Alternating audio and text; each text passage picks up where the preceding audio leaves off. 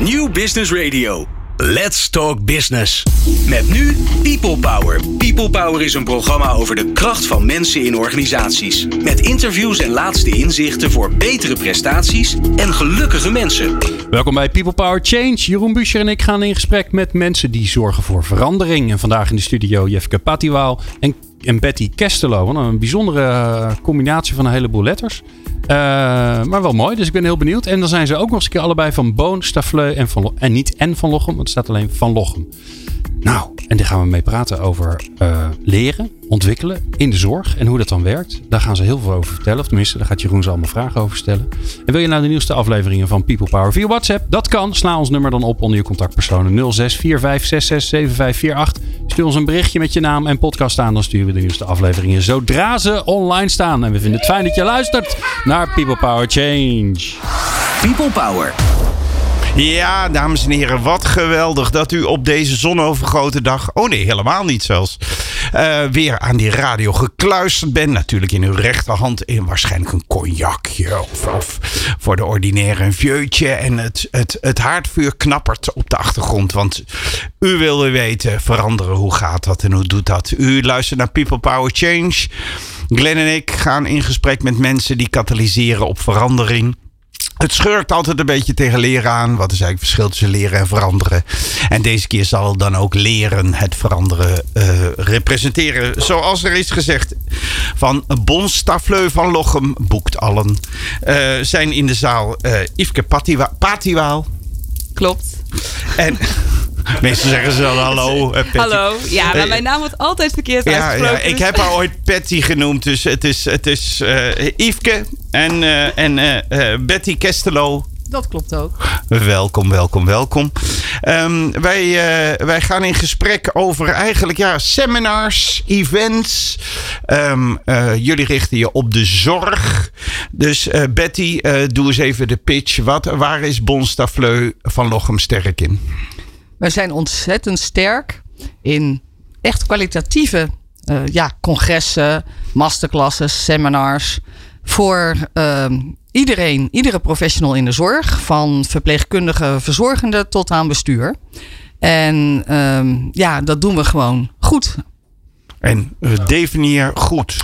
Goed is um, als mensen die eigenlijk ja, hun geld liever uh, bij wijze van spreken voor wat anders zouden willen gebruiken, toch naar onze programma's komen en toch dat geld uitgeven. En dan heel tevreden zijn en ons waarderen met uh, ja, hoge cijfers en Onder andere uh, ja, een evaluatie zoals wat fijn nursing dat jullie dit voor ons doen. Dus wij uh, evalueren alles. En, en wat brengt een evenement, wat een online learning, een boek, een wat dan ook niet brengt? Um, allereerst contact. En hoe meer we digitaliseren in de wereld, hoe meer mensen het ook ontzettend fijn vinden om met elkaar even een vibe te hebben, met elkaar te leren, van elkaar te leren, iets laten ontstaan. En um, dat kan in een zaal met um, 600 uh, verpleegkundigen die met elkaar in gesprek gaan. Um, maar het kan ook in kleine groepjes. En ja, het samen ergens aan werken of uh, ergens naar luisteren. En uh, Yveske is een van jouw portfolio managers. En uh, je liet het woord al vallen. Goed. Wat, wat maakt iemand tot, zoals Yveske, een goede portfolio manager? Wat doet hij? Nou, een goede portfolio manager um, is hartstikke nieuwsgierig. Kent geen angst. Is echt wel ondernemend type. Um, vindt het ontzettend leuk om um, ja, eigenlijk uh, verschillende programma's neer te zetten. Continu wat nieuws te bedenken. En um, ja, dat ook nog doen, uh, zodanig doen dat uh, de deelnemer hartstikke blij is. Uh, maar wij er ook uh, wat aan overhouden wat ons salaris weer betaalt. De Glenn die, Glenn die springt op. Ja, ik ben portfolio manager. Ja, uiteindelijk. Ik ben er achtergekomen uiteindelijk wat ik, wat ik wil worden later. Ja, nieuwsgierig ben ik. Dames en heren, u kunt het natuurlijk niet zien, maar meestal zit, zeg maar, hangt Glenn achterover in zijn, zijn luie stoel en denkt, ach, ik hoef even niet te lullen. Die andere, ik gooide wel een jingletje in, maar hij, hij hoorde Betty praten en hij kwam waarlijk overeind, pakte zijn worteltje, begon eraan te knagen. Als een blij konijntje was hij. Wat. Um, um, En dan, dan, ga ik, uh, Yveske, wat is in jouw ogen dan een, een goed seminar? Wat, wat doet dat? Ik denk dat een goed seminar ingaat op inhoud, maar dat het ook inspireert. Dus dat je naar huis gaat, dat je denkt van oké, dit kan ik morgen zelf aanpakken. Maar dat je ook later daarna gaat denken van goh, hoe zit het nou eigenlijk bij onszelf? Wat zouden wij zelf nog weer kunnen veranderen? Um, als je leuke gesprekken hebt gehad met andere deelnemers, dan heb je soms een beetje het gevoel van oké, ik zit er niet alleen voor. Anderen hebben dezelfde problemen of issues.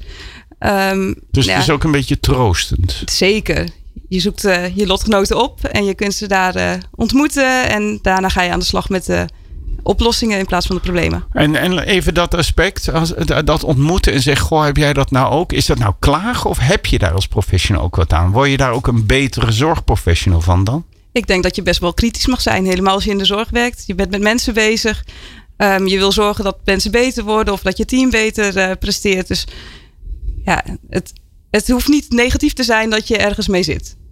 Oké, dus het is een, je zegt eigenlijk, het is een moment om te delen met andere mensen. Hoe doe jij dat? Zeker. Oké. En uh, daar hou je ook mee rekening als je een programma gaat maken. Kan je daar een voorbeeld van geven? Hoe doe je dat dan? Hoe zorg je dat ik niet alleen maar naar die zaal zit te luisteren, toevallig rechts naast een roodharige dame zit? Nou ja, dan ga ik dan maar bijstaan in de pauze en dan gaan we weer terug naar het programma. Hoe zorg je dat die dialoog ontstaat? Uh, het verschilt een beetje per doelgroep. Als je kijkt naar de managersdoelgroep, die zijn toch wel wat terughoudender bij verschillende werkvormen. Maar eigenlijk proberen we, ongeacht welke doelgroep we ook hebben, te kijken van goh, um, is het handig om bijvoorbeeld alleen maar plenair lezingen te aan te bieden of juist in te gaan met ja, op meer inhoudelijke sessies, mensen op te laten splitsen. Je hebt altijd nog contactmomenten. Momenten.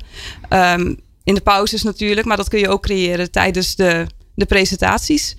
Um, en dat is altijd in overleg met sprekers, maar ook uh, ja, naar aanleiding van de deelnemersevaluaties. Hoe weet jij of het goed is, behalve die evaluatie? Um, Als, ehm, jij loopt rond, je bent op zo'n evenement, je ziet die mensen.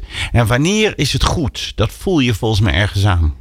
Nou, je voelt het inderdaad aan de energie van de, van de deelnemers, maar je hoort gewoon hele positieve verhalen. Soms als mensen wat kritisch zijn, dan zitten ze uh, te zeuren over van goh, oh nee, dit is al op. Of uh, er stond rij bij het toilet. Nou, als ze daarover praten, dan weet je dat het goed zit. Want dan hebben ze het niet over de inhoud die niet oké okay is. Zeuren doen ze toch? Ja, mensen hebben altijd wel een puntje van kritiek. Maar ze betalen ook echt wel, echt wel geld voor een evenement. Dus ja, je moet wel waar voor je geld bieden. Ja, als je, eh, laten we even bij dat, bij dat design beginnen. Je hebt op een gegeven moment een onderwerp. En dan denk je, daar ga ik een programma over maken. Hoe begin jij dan? Hoe ontstaat dat in jouw hoofd? Hoe denk jij? Ja, ik betrek het ook wel vaak op mezelf. Van, goh, bijvoorbeeld het programma Eigenaarschap, waar we nu mee bezig zijn. Um, hoe vind je, ja. Wacht even, help, help me even. Een programma-eigenaarschap. Ja. Wat, wat, wat, ik wil daar misschien naartoe. Waar, waar, ga ik naartoe? Heel even dat de luisteraar een begrip heeft. Wat is dat? Nou ja, wat wij merkten was dat er binnen de doelgroep heel veel werd um, gesproken over eigenaarschap. Het kwam eigenlijk terug binnen allerlei evenementen. En eigenlijk ben ik begonnen met een enquête uit te sturen naar een potentiële doelgroep. En daaruit kwam naar voren dat ze dat onderwerp heel erg interessant vonden voor de losstaande masterclass. En definieer even de doelgroep. Zijn, zijn dat ehm, verpleegkundigen of zijn dat leidinggevenden? Of? Leidinggevende, in dit geval. Ja. En um, nou ja, dan ga je daarop verder. Je hebt al best wel veel congressen waarin het is opgenomen. Nou ja, daar doe je allerlei ideeën op. Je hoort wat er speelt. Je hoort van de deelnemers van, oh, dit is interessant. Of je ziet bij bepaalde um, ja, onderwerpen die genoemd worden, mensen heel erg schrijven. Nou, dan schrijf ik dat ook op. En dat, uh... Dus je, je bent de hele tijd bezig om te kijken wat doen collega's of concurrenten? Welke boeken verschijnen er? Over wie hoor ik verhalen? Ja, ja alles bij elkaar. En ondertussen ja, ontstaat er dan een hele ideeënmap. En dat uh, bewaar je eigenlijk weer voor het vervolg. Want dan ga je echt kijken van, goh, waar zou een programma daar moeten voldoen? Wat moet er in dat programma komen te staan? Begin je met uh, meer onderzoeksachtige resultaten. Omdat dat ook altijd best wel wel lekker, lekkere stad is van een dag. Of ga je gelijk in op inspiratie met hele goede topsprekers? Ja, dat moet dan ook maar net kunnen. Want lang niet van alle onderwerpen heb je topsprekers. Ja, en op die manier ga je steeds weer een stapje verder totdat je uitkomt uh, bij sprekers en daarmee schakelt. En dan verder de diepte ingaat en overlegt van goh, is dit dan het conceptprogramma wat we moeten hebben? En daarna gaan we altijd nog weer door naar uh, naar Betty. En dan gaan we in op, op een businessplan voordat we echt de markt op gaan. En, en dat, dat ontwerpen van uiteindelijk het idee, is dat een proces wat je, is dat iteratief? Doe je dat in samenspraak met je sprekers, met, met de doelgroep? Of zit je dat allemaal in die bovenkamer zelf te verzinnen? Nee, het is echt, uh, je hebt met heel veel mensen te maken. Ik bewerk ook altijd nog samen met de marketeer die het ook uiteindelijk de markt op moet brengen. Ja, dus kunnen we het verkopen? ja, kunnen we het verkopen. Um, daar krijg je ook altijd wel waardevolle input van. Want als zij het programma niet snappen, ja, dan kan je het ook niet verkopen. Dus dat is ook wel een belangrijk onderdeel voordat je de markt op gaat. Um, en verder is het inderdaad ook nog schakelen met de potentiële doelgroep. Vragen van, goh, als je dit programma leest, wat vind je hier nou van? Zou je hier naartoe gaan, ja of nee? Um, ja, soms heb je gewoon mensen in je organisatie die er ook even naar kunnen kijken. Dat hebben we bij eigenaarschap ook gedaan. Um, en dan krijg je hele leuke reacties. En een van de dingen die daaruit kwam was bijvoorbeeld dat we op casuïstiek moesten gaan zitten. Van joh, is er een organisatie als voorbeeld waar je van kunt leren? En nou ja, ik denk dat dat soort kleine dingen zijn om het nog meer te fine-tunen en beter te maken. Betty, wat maakt iets tot een Ifke typisch Ifke-programma. Want zij pitcht bij jou nog alles ideeën natuurlijk. Ik wil dit doen, ik wil dat doen, ik wil dat doen. Ik heb ook al stiekem gehoord dat ze soms te veel wil doen. Maar goed, uh, ze wil dingen doen. Wat maakt iets tot echt een Ifke-idee? Nou, um, als je iets nieuws wil, um, dan kan je het beste bij Ifke langs. Ifke houdt echt van, uh, ja, als er eigenlijk nog niets is... Uh, Bijvoorbeeld, uh, wij doen ook wel eens wat voor het onderwijs, omdat wij uh, ja, uh, ook eigenlijk voor de medisch studenten onderwijs verzorgen. Nou, en dan komt Yveske met een programma van Boon Stafleu van Lochem Onderwijsvernieuwers. Um, Yveske heeft graag iets nieuws onder handen en kan tegelijkertijd gewoon drie keer een masterclass klinisch rekenen bijvoorbeeld herhalen. En ondertussen de academie gezellig um, ja, eigenlijk topsprekers uh, voor het management um, neerzetten. Dus uh, zij heeft gewoon een heel breed repertoire. En um, ik denk dat op het moment dat je echt iets nieuws wil, sorry, uh, verpleegkundig leiderschap was bijvoorbeeld een idee wat we al langer hadden. En ja, dat kwam nog niet helemaal in Nederland van de grond. En dat houdt Yveske dan een poosje bij zich. En dan op een gegeven moment, uh, ja, dan heel iteratief kwam dus na een jaar, uh, was het zover. Uh, en heeft ze gewoon een fantastisch programma neergezet. Waar echt gewoon gelijk iedereen op af wilde komen. Uitverkochte zalen, et cetera.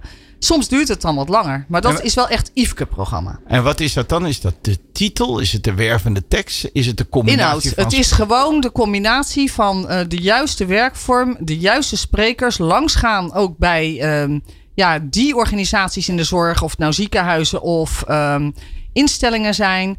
Uh, praten met hoogleraren. En als je het nog niet gevonden hebt en nog niet de vinger erop kan leggen. Wat heeft de verpleegkundige hier nu aan? En wat kunnen we ze nou bieden behalve gewoon een verhaal? Dan, uh, ja, kom je dus uh, eigenlijk bij Yveske uit. En, en, ze wees naar Yveske. Ja. Yveske, wat vind jij, wat vind jij, laatste vraag, wat vind jij typerend aan een seminar? Waar hou jij nou van? Wat vind jij nou leuk? Uh, ik vind het heerlijk dat je eigenlijk als je ochtends binnenkomt, gewoon de boel kunt klaarzetten op de dag zelf van het evenement. En dan als deelnemers binnenkomen, zit het altijd een beetje vol verwachting te kijken van wat gaat er gebeuren. Het is een beetje spannend. En uiteindelijk aan het eind van de dag gaan mensen weg van oh, ik heb die gesproken, ik heb dit geleerd en dit vind ik leuk. En dan krijg ik ook nog een goodie bag. Nou ja, dan gaan mensen blij naar huis. Het is echt heerlijk om te zien dat jouw idee echt gewoon heeft gewerkt en dat mensen daar iets van hebben geleerd en er ook weer op terug gaan denken van oké, okay, dit was een goed idee. Misschien gaan we volgende keer wel naar een ander evenement. Het is uiteindelijk geef je een leerervaring vorm. Ja. En hoe ze dat dan precies doet, horen wij na dit. People Power. Ik heb een knop op een andere plek gedaan. Dan druk je dus automatisch op de verkeerde knop. Hè? Ja, dan kun je een hele aflevering over automatisme in het brein gaan doen. Maar dat gaan we niet doen, want Jeroen Buescher heeft het over veranderen. Uh, welkom terug, dames en heren. U luistert naar People Power Change, het programma waarin wij katalysatoren voor verandering uh, onderzoeken en proberen na te gaan hoe ze dan te werk gaan. En vandaag hebben we het over uh, eigenlijk zeg maar het fenomeen events of vooral leer-events, noem het seminars. Um, twee mensen die werken bij Bonstafleu van Lochem. Yveske is verantwoordelijk voor een, een, een handvol eh, seminars, het portfolio. En Betty is de grote baas en die beslist en wikt en weegt. En, ehm, en in het begin even verkend, wat, wat maken jullie dan? En we gaan er nu gaan we inzoomen. Dus, dus een, een, een goed event. Ehm, je had het net over eh, eh, leiderschap in de zorg. Uh, ja, verpleegkundig leiderschap. Verpleegkundig leiderschap, ja, de, de titel rolt er meteen uit. We gaan het niet in hebben wat, waarom de mensen er naartoe moeten komen, maar eigenlijk vooral waarom vertellen ze achteraf aan hun collega's door dat ze er zijn geweest. Verpleegkundig leiderschap. Wat, wat maakt dat ze doorvertellen? Wat vertellen ze door? Laten we daar eens beginnen. Wat, wat denk jij dat de bezoekers zeggen tegen hun collega's als die zeggen: Oh, je bent daar geweest, moet ik daar de volgende keer naartoe? Nou, verpleegkundig leiderschap, dat is een thema ja, voor verpleegkundigen wat nog niet heel erg tastbaar is. Ze moeten er iets mee, maar ze weten nog niet helemaal hoe ze het moeten en, hoe ze het kunnen tonen. Sorry dat ik je onderbreek. Voor onze verpleegkundigen. Uh, dat zijn gewoon de mensen die in ziekenhuizen. En uh, wie, wie, zien we ons voor ons? Dat het kan uit alle ja, verschillende branches binnen de zorg komen. Dus van thuiszorg tot aan ziekenhuizen. Um, we hadden best wel een flinke mix. Er waren ook best wel wat docenten. Um, die het interessant vinden om te horen hoe je nou verpleegkundig leiderschap kunt leren aan studenten. En is het, zijn het managers in de zaal? Nee, het waren echt, zelf, echt mensen van de vloer. Dus de mensen die verplegen? Ja, die zorgen voor, voor cliënten of patiënten. En waarom ga ik er naartoe? Um, nou, omdat uh, ja, van, vanuit het nieuwe beroepsprofiel, waar heel veel discussie over is, um, ja, een van de onderdelen daarvan is dat ze meer leiderschap moeten tonen. Ze moeten meer staan voor ja, hun eigen vak. Dus het gaat echt over persoonlijk leiderschap. Persoonlijk als leiderschap. professional. Maar ook klinisch leiderschap. Um, en hoe ze bijvoorbeeld uh, de wijkverpleegkundigen, die kunnen zelf indiceren, die kunnen zelf aangeven hoeveel zorg een patiënt nodig heeft. En um, ja, in wezen doen ze dat goed zoals ze het doen. Maar ze hebben wel met de zorgverzekeraar te maken en moeten dan echt wel aan kunnen geven van oké, dit is wat de cliënt wil hebben of nodig heeft. En vaak zijn ze toch nog meer bezig met de zorg uh, voor de cliënt zelf dan dat ze eigenlijk bezig zijn met uh, die discussie aan te gaan met de zorgverzekeraar. Dus het, is, het is persoonlijk leiderschap. Het gaat over professionaliteit. En ik als professional geef leiding aan mijn expertise. En beïnvloed. En zorg ook dat dingen voor elkaar komen. Ja, juist dat beïnvloeden. Dat is iets wat ja, verpleegkundigen. Die zijn veel praktischer dan, dan managers. Dus dat beïnvloeden. Dat, ja, daar hebben ze volgens mij niet zo heel veel mee. Oké, en ik ben er dan geweest. Ik ben dus een verpleegkundige. Ik ben naar, eh, naar, uh, het programma Verpleegkundig Leiderschap. Moet steeds weer lezen, want het is een, een, titel die me niet zo uit de mond gerold. Verpleegkundig Leiderschap. En ik ben daar geweest en ik, en, en, ik kom jou de volgende ochtend tegen. En dan zeg ik, eh, daar moet je naartoe. Daar moet je naartoe. Want wat is er dan die dag? Wat is mij gebeurd? En niet welke sprekers waren maar waarom heeft het me geraakt? Nou ja, in de ochtend hadden we een aantal experts die echt uh, ja, helemaal gespecialiseerd zijn op dit thema. Nee, maar dat is het programma. Dat is het programma. Wat heeft mij geraakt? Welk moment of wat, wat is er dat mij zo inspireert? Nou, ik denk dat vooral bij dat verpleegkundig leiderschap, dat ze het fijn vinden om met andere verpleegkundigen daarmee aan de slag te gaan. Um, dus ze hebben inhoud gehoord tijdens het plenaire programma in de theaterzaal. En vervolgens zijn ze uiteengegaan in groepjes, hebben ze zelf hun sessies gekozen. En zijn ze bijvoorbeeld um, met een spreker aan de slag gegaan om te kijken naar hun persoonlijke kwaliteiten. Welke leiderschapsvaardigheden hebben ze al? Zouden ze nog meer kunnen benutten? Um, het ja, eigenlijk wat, wat wij hopen bij de verpleegkundige programma's is dat ze naar huis gaan met het idee van oké, dit kan ik in de praktijk toepassen. Dus wat ik zeg is van ik ben daar geweest en ik ben me gaan realiseren dat ik puntje, puntje, puntje dat ik ook leiderschap kan tonen. Ja, en, maar ook van hoe ik het eigenlijk doe, of waar ik te veel aan vasthoud, of ik doe altijd dit, maar ik kan ook dit doen. Zien ze dan bewust ander handelingsrepertoire? Of hoe moet ik ja. Ja, zeker. Ze zien ook voorbeelden van andere verpleegkundigen die het al wel tonen. Um, ze worden een beetje gepusht door dat ze het gewoon moeten doen. En dat het niet een kwestie is van gewoon maar ja, luisteren en daarna weer naar huis gaan. Het programma slaagt erin om het aan de huid te maken, om persoonlijk te maken. Volgens mij wil ik. Ja, ja, ja wat, ik, wat, ik, wat ik heel grappig vind, is dat het eerste wat je zegt, uh, Yveske, is dat, uh, dat het eigenlijk het meest interessante van, een, van zo'n seminar is, is dat je vakgenoten tegenkomt. Mm Dat is grappig, hè? Moeten we niet eens een keer gewoon een seminar maken waar er geen... Zonder sprekers. Zonder sprekers. Oh, dat wil ik al jaren. Toch? Waarbij er alleen maar gewoon, dan zeggen we, joh, weet je, wij zorgen ervoor dat je met onwijs leuke vakgenoten op allerlei manieren in, in contact komt. Ik heb hele- helaas het antwoord. eh, Oh, Yves eh, krijgt hem. We- ja, we hebben, we ja. hebben zo'n programma. Dat is de Kijk. Nursing Experience. En dat is eigenlijk een ja, ratje toe aan onderwerpen voor verpleegkundigen. Maar ze gaan er vooral naartoe omdat ze het een feestje vinden. En dat hebben we afgelopen weekend eh, gehad. Dus dat, Hé, eh, jammer. Ja, Net het gemist. bestaat al. We hebben hem al. Nee, maar dat is goed. Glenn als Dan is er een markt, verpleegkundige. hè? Ja. Nou, Dan doe je niet zo'n enge witte broek aan, hè? Beloof je dat? ja. Eh, eh, eh, Betty, jij bent er ongetwijfeld wel eens geweest. Dan kijk jij iets meer vanuit die helikopterview. Het is een van jullie succesnummers, weet ik. Waarom deugt het daar bij dat, bij dat eh, eh, verpleegkundig leiderschap? Nou, verpleegkundig leiderschap is een nieuw thema. Dus daar ben ik niet geweest, maar wel bij de Nursing Experience. We hebben eh, 140 events, ik kan niet overal heen. nee. Eh, Nursing Experience, ik ben daar langer blijven hangen. Ik was er zaterdag ook. Ehm, het is twee dagen, maar wat een sfeer. En eh, wat gaaf om daar gewoon jonge mensen te zien. En de zorg heeft echt wel moeite met mensen trekken. Ehm, ook mannen te zien, altijd leuk, want wij zien meestal vrouwen. Ehm, docenten, nou, het was echt eh, fantastisch. En de mensen hebben naar hun zin. Ze zijn ontzettend gedreven, komen op hun vrije zaterdag eh, daar naartoe. Ja, het is gewoon een feestje om voor deze mensen iets moois neer te zetten. En zij leren ervan. En ehm, En, wa- en wat, er is vast een moment wat jij je herinnert, heel specifiek, dat je denkt, ja, ik sta bij een groepje of ik zie iemand of iemand zegt dat. Wat maakt voor mij als verpleegkundige dat het voor mij die experience is waarvan ik denk, daar ga ik op zaterdag naartoe? Wat zie je gebeuren? Nou, Het, het is eigenlijk ehm, ja, een stukje respect voor hun vak. En eigenlijk is het cadeautje. Ja, maar wat gebeurt er dan? Wat zie je dan?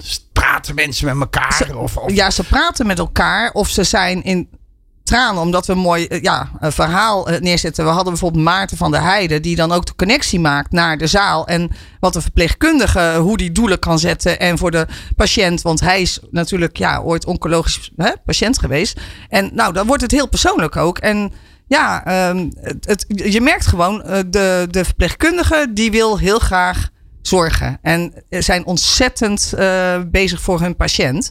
En wat wij doen is eigenlijk hen weer de tools geven, hen weer een, eh, iets geven waardoor zij weer verder kunnen. Want het is best een zwaar vak. Dus er staat daar een man en die vertelt een verhaal vanuit zijn eigen leven. Ja. Dat raakt me. En, en waarom kan ik dit gebruiken in de praktijk als verpleegkundige dan?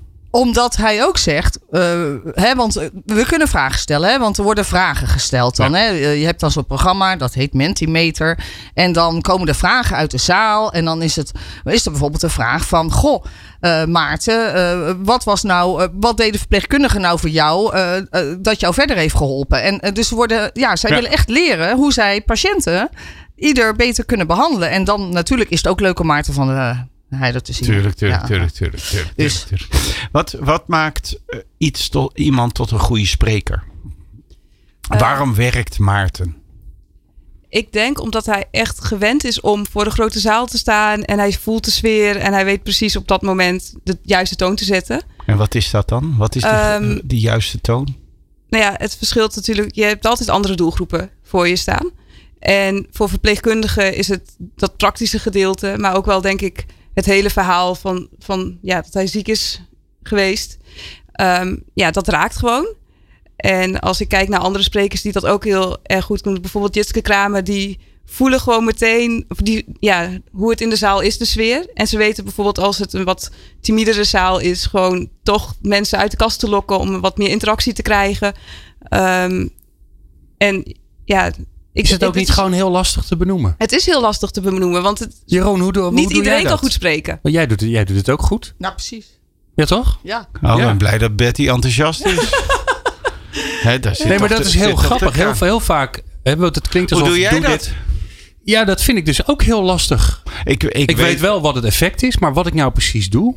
Ik, ik, ik, her- wat ik wel heel erg herken is dat eh, gaat het over mij of gaat het over een model? En dan bedoel ik niet mij als spreker op, op, op eh, podium, maar voor mij in de zaal.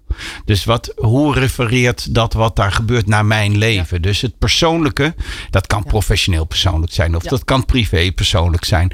Maar is dit iets waar ik me in kan verplaatsen? En ik geloof dat mensen dan graag het willen. Ja, dat heb ik ook. En dan kiest diegene in die situatie waar ik me herken een ander pad dan ik kies.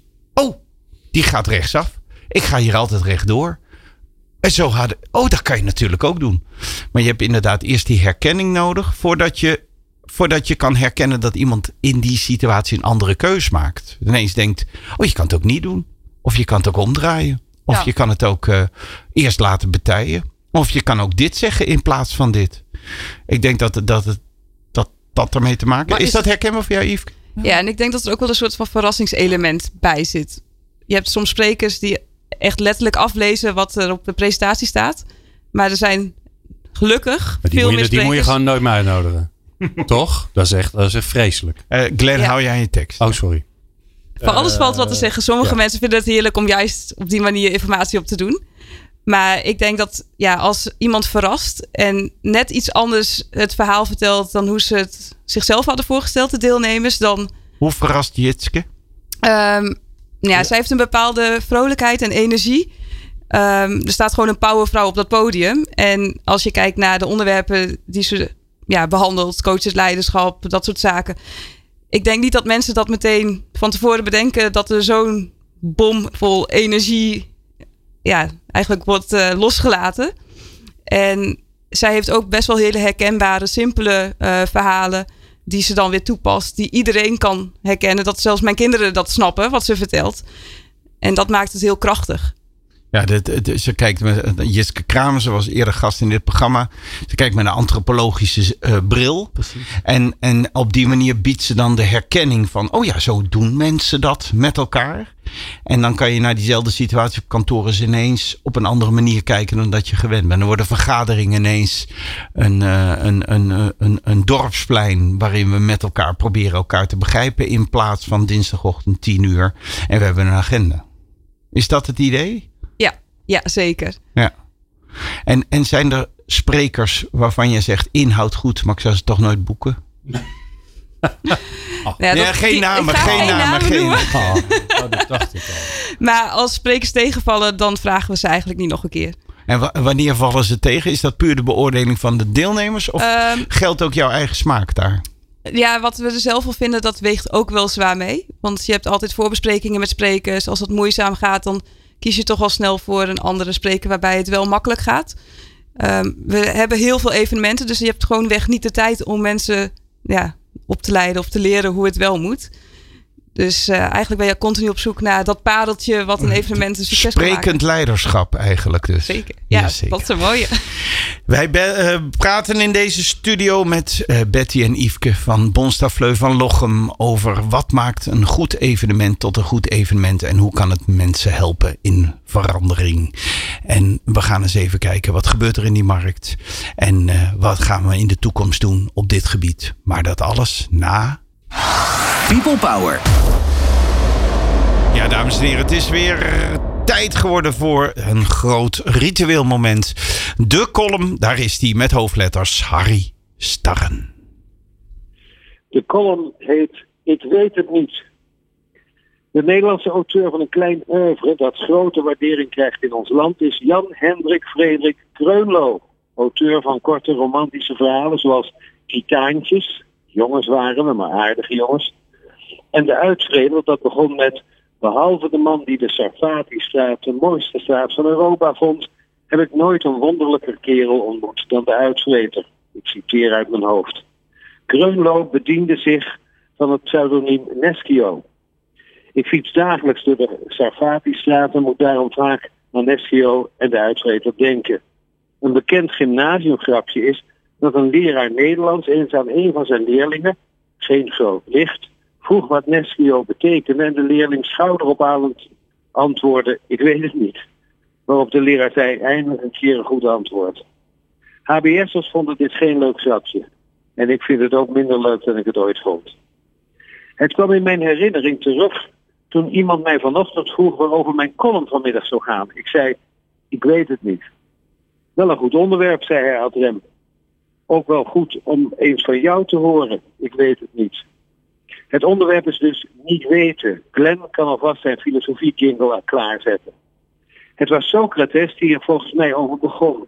Het enige dat ik weet is dat ik niet weet. En zelfs dat wist hij niet zeker, heb ik toen geroepen in de klas. Je kon in die tijd voor het minst of geringst uit de klas worden gezet. Ik kwam er met enige moeite met een waarschuwing vanaf. Niet weten is op dit moment razend populair. Een nieuwe vaardigheid. Het verslaat inmiddels met gemak vaak gehoorde clichés als de waarheid bestaat niet. En voor mij is het glas altijd half vol. Een houding die in de horeca benut zou kunnen worden als een aanzienlijke kostenbesparing. Anders dan we vaak denken is niet weten een goede grondhouding. Designers noemen het de explorerende fase, waarin je alle oordeel uitstelt en de blik onbevangen houdt. Als je het weet ben je zeker zin verloren. De tunnelvisie dreigt.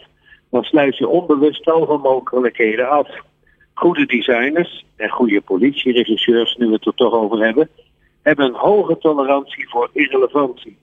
Die houden mogelijkheden open. Als je het weet, nemen de mogelijkheden af. En daarmee de kans op iets ongewoons, op iets mooi en bijzonders. Maar ooit moet het ervan komen, want het ontwerp moet af, de zaak gesloten. Uiteindelijk is, is kiezen of delen, dan kap je de mogelijkheden af en betreed je het terrein van het weten, sterker nog van het zeker weten. Je moet wat. Ik kwam een paar jaar geleden achter dat ik al zo'n zeven jaar ontbijten, lunches en diners voor anderen organiseer, waar we niet weten tot kunst verheffen. We luisteren naar elkaars verhalen en spreken af, ademloos naar elkaar te luisteren. En dat maakt het zo bijzonder, elkaar niet te onderbreken. We discussiëren niet, stellen zelfs geen vragen.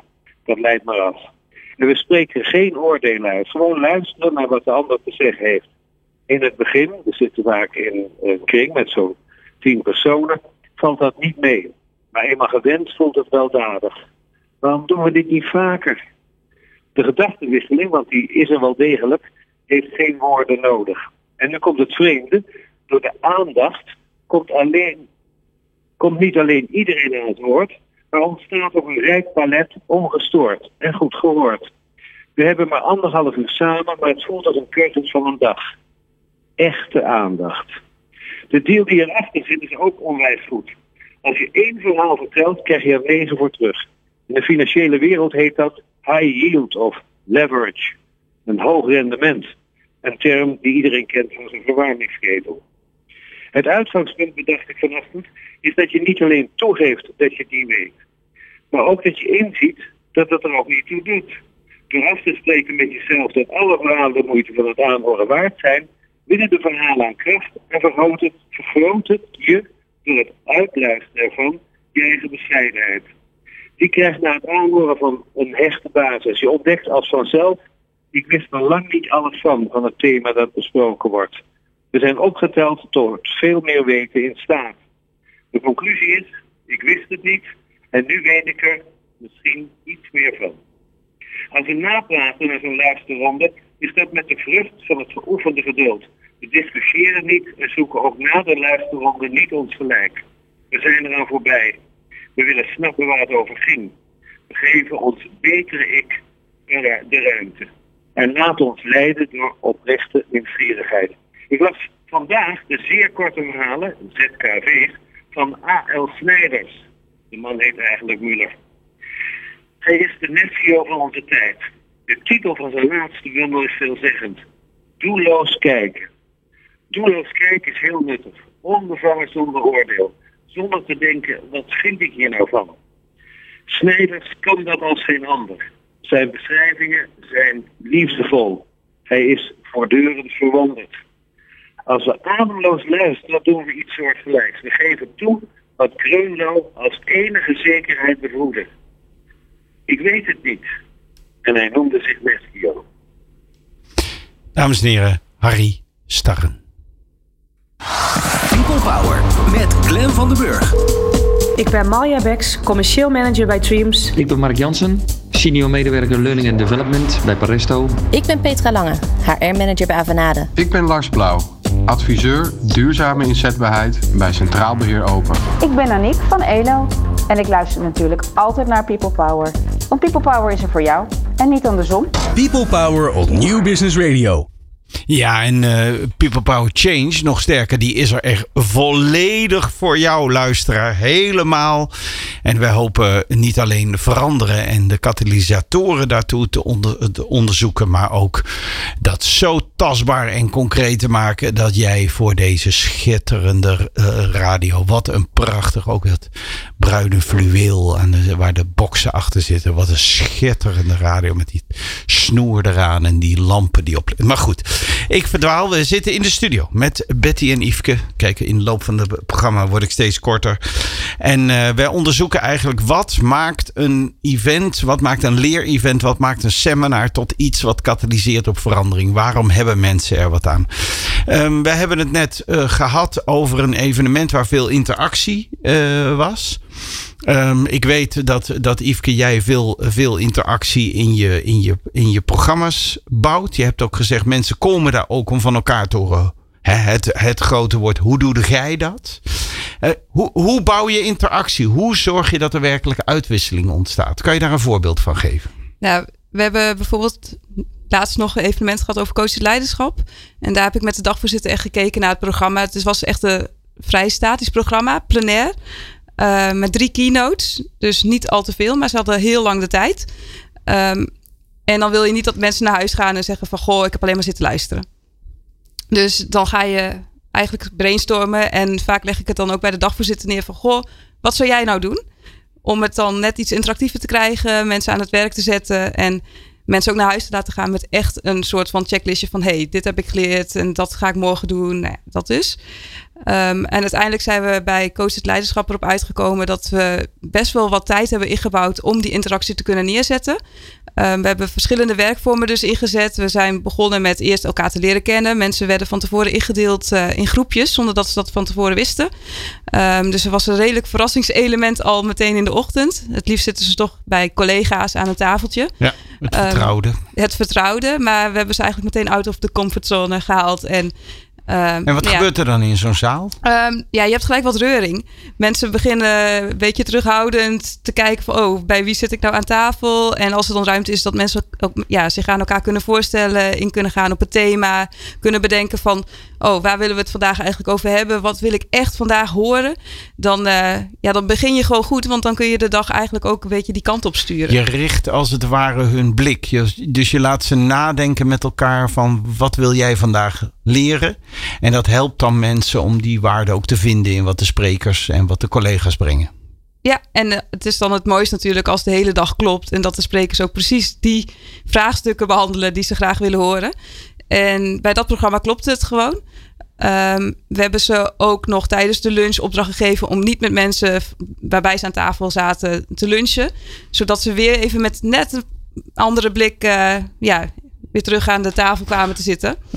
Is het eigenlijk dat je een beetje de rol hebt van de matchmaker? Diegene die jou bij de hand pakt en zegt: Ja, er is een soort sociaal drempeltje.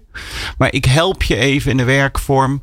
Ga nou eens even met deze meneer. Ga nou eens even met deze mevrouw. Heb het dus met elkaar hierover. En dat maakt het net even makkelijker om met een onbekende over een wezenlijk onderwerp ja, ik denk dat eigenlijk iedereen het wel spannend vindt om alleen naar de evenementen te gaan of met een klein groepje. En helemaal als je dan ook nog te horen krijgt dat je dus interactief bezig gaat, dat je zelf een opdracht eigenlijk moet uitvoeren. Dat ja, mensen die willen toch het liefst eigenlijk gewoon zitten en luisteren. Maar soms om dingen te kunnen leren is het nodig om ze te, ja, iets anders te laten doen. En, en zo'n experience waar je het over dit weekend hadden, dat, dat, dat bestaat zelfs bij de gratie bijna. Dat je allemaal andere mensen ontmoet die op een andere manier hetzelfde werk doen. Ja, zeker. En wat we daarbij hebben is dat er echt heel veel verschillende workshoprondes zijn. En eigenlijk alle sprekers eigen manieren hebben om hun kennis over te brengen aan de deelnemers. Um, we hebben ook al eens een kleine mini-snijzaal gehad bij dat event. Nou, dat vinden mensen geweldig dat ze daar eventjes iets anders kunnen doen dan luisteren, maar gewoon echt. In een lijk snijden. Nee, dat uh, waren varkenspootjes. Het, oh, ja, Jeroen en ik zitten ondertussen enorm aan elkaar te gebaren. Maar uh, jij, jij zei net, uh, mensen willen eigenlijk gewoon zitten en luisteren. En, en ik, wat willen ze dat? Wat, ja, wat ik me afvraag is, willen ze dat nou echt of zijn ze dat gewend? Ik zijn denk ze, dat het ja. gewenning is dat ze het, ja, de old school congressen zijn toch meer zenden dan iets anders. Dus ja, als je naar een evenement gaat of naar een congres gaat, dan verwacht je dat misschien wat meer. Ja, en, maar het is wel zo, wat, je, wat ik je voor, volgens mij hoor zeggen, is dat die, die sprekers of die informatie, die zet een vonkje aan. Maar het wordt pas tastbaar en bruikbaar op het moment dat ik met jou, mijn collega, kan zeggen: God, dat vond ik nou interessant. Ja, waarom nou eigenlijk? En dat het lijkt wel of dan het leren of het verwerken of het vertalen pas echt begint. Ja, en die herkenning is daarin heel erg belangrijk. Dat ze dus gewoon horen van anderen dat zij dezelfde problemen hebben, dezelfde oplossingen misschien proberen te vinden. Dus ja, het is, het, het is moeilijk om het echt goed uit te leggen van wat doe je nou eigenlijk tijdens zo'n evenement. Maar uiteindelijk is het ook een kwestie van experimenteren, kijken wat werkt er goed. En uiteindelijk help je mensen om te leren. dat dat is hoe je het ontwerpt. Want uiteindelijk is dat ook je toets. Gaan ze naar huis en zeggen ze tegen anderen, daar moet je naartoe. Want dat is ook jullie belangrijkste marketing natuurlijk, zoals altijd. Het, het mond op mond. Ehm, daar moet je naartoe, want daar heb ik wat aan gehad. En dat, dat geef je vorm uiteindelijk. Ja. ja Betty, ik weet dat jij een ongelooflijke uh, vasthoudend uh, fan bent van de bijeenkomst. Jij zegt altijd, oh, uh, hoeveel we ook digitaliseren, bij elkaar blijven komen, blijft zijn waarde houden. Doe je betogen. Waarom zullen seminars en events ook in de komende eeuw altijd een rol blijven spelen? Nou, allereerst, um, als het online is, dan kan je niet voelen de sfeer die je hebt als je bij elkaar in een zaal zit. Een feestje online werkt niet. Ja, um, kwetsbaarheid, um, ja, dat is ook makkelijker als je gewoon elkaar in de ogen kan kijken en een goede dagvoorzitter jou daar al een klein duwtje in heeft gegeven bijvoorbeeld. Doe je ook niet online in je uppie. Um, ja, en hoe meer we digitaliseren, hoe meer we echte verhalen willen horen. Want wat als er al een trend is, dan is het nu dat verhalen en echte verhalen en waarin ook een kwetsbaar en een stukje um, ja, eerlijk zijn en, en persoonlijkheid, uh, dat is nu uh, wel echt wat, wat mensen het liefst hebben. Het is wel jammer dat je mijn vraag afpikt, want dat oh. was mijn vraag. Sorry. Welke, welke grote trends zie je als het gaat oh. over seminars? Wat gebeurt bij seminars steeds meer? Wat voor soort sprekers worden steeds meer gevraagd? Nou ja, de, de, kijk, wat wij merken, waar mensen gewoon heel blij om zijn. En dan moet je er ook geen tien achter elkaar zetten. Hè. Alles is doseren. Uh, maar uh, ja, die sprekers die de allerhoogste cijfers hebben, die zijn toch ook wel ja, in de zorg. Hè? Wij werken wel voor de zorg. Ja, ja, nee, we hebben het over jullie branche. Ja, dus dat zijn ook wel vaak mensen met een persoonlijk verhaal. Uh, we hebben bijvoorbeeld ook een blinde spreker. uh, hè? En dat, dat soort verhalen, maar ook verrassingen. Mensen willen wel echt een experience. Steeds meer willen ze iets wat ze niet van tevoren verwacht hadden. Maar die sprekers die ja, het allerbeste doen, dat zijn mensen die toch ook wel um, um, goed kunnen vertellen. Met veel energie, maar ook wel hun eigen verhaal daar nog in hebben. En als dat dan ook nog iets te maken heeft met zorg. Ja, dan, dan is het eigenlijk, uh, komt het goed bij elkaar. Ja, Neskio mag. Je hoeft het niet te je weten. Je hoeft het niet te weten, maar, maar je... je mag het zoeken laten zien. Ja. Ja. Ja. En in de vorm zie je ook steeds meer interactie onderdeel worden van die seminars? Uh, dat hangt er vanaf. We hebben uh, ook absoluut tweedaagse trainingen. Um, ja, dat doen we soms gewoon met, uh, met één hele goede ja, moderator, zullen we maar zeggen. die dan wel een aantal collega's meeneemt. maar dan wil men gewoon echt leren van de meester, zeg maar. Um, ja, en op het moment dat je uh, met elkaar in een grote zaal zit, ja, dan wil men meer de beleving en meer met elkaar praten ook. En dan, en dan nog een heel klein staartje. Heb ik nog, heb ik nog een minuutje? De baas steekt één vinger op. De slide. Heeft hij zijn tijd gehad? Um, nee. Uh, als je ze maakt zoals Jitske Kramer, dan uh, het is ook een beeld. Uh, je moet het met video en dergelijke wel ook laten zien. Maar god, als je toch een mooie ja, slide maakt. Hè, waar je het verschil zit tussen de, de, ja, de, de oranje fan. waar je gewend bent naar te kijken. En uh, een of andere tovenaar. Die dan veel normaler wordt. Ja, dat komt wel binnen. Dus nee, dat heeft ze niet gehad, denk ik. De bullet is voorbij. Maar ja. de slide blijft ja, altijd. Maar met beeld. Oké. Okay. Wij uh, waren in gesprek met uh, Betty Kestelo en Yveske Patiwaal. Nu heb ik het goed uitgesproken. Uh, van Bonstafleu van Lochem. Uh, zij maken seminars in de zorg. En we hebben proberen te begrijpen wat maakt een goed seminar tot een goed seminar. Ik dank jullie allebei heel hartelijk voor jullie enthousiasme voor dit prachtige ambacht. En natuurlijk dank ik mijn leermeester, mijn gids, mijn ja, goeroe is het dat. Hij draagt in ieder geval een blauw shirt, altijd al goed. Zeker. Daar is hij dan, Glenn van de Burg. Dankjewel Jeroen. En jij bijzonder bedankt voor weer een heel jaar People Power Change. En we gaan volgend jaar, tenminste daar hebben we het toch helemaal niet over gehad. Maar wat mij betreft gewoon weer gezellig verder. Vooruit dan maar weer! Ja, vooruit met de geit. Dames en heren, dit was eh, de laatste People Power Change van 2019. Maar gelukkig eh, is 2020 alweer in aantocht. Uh, volgende week hebben wij ja, de laatste uh, drie afleveringen van People Power. we gaan volgens mij te richting de 290 dan. Dus volgend jaar hebben we de 300ste uitzending. En ik heb daar nog niks voor geregeld. Dus ik ga maar eens even bedenken of ik daar nog een feestje van ga maken. Maar vast wel. Um, ja, kun je niks missen? Wil je niks missen? Wil je alles horen en luisteren? Ga dan naar peoplepower.radio. Dan kun je alle ruim 280 afleveringen terugluisteren. En ben je halverwege ingeschakeld tijdens deze live uitzending en ja, wil je eigenlijk niks missen van, uh, van onze studiogasten, dan kan je re redelijk snel weer terugluisteren op peoplepower.radio. Ik vond het in ieder geval bijzonder leuk dat je luisterde. Meepraten? Meepraten? Of meer programma's? people-power.nl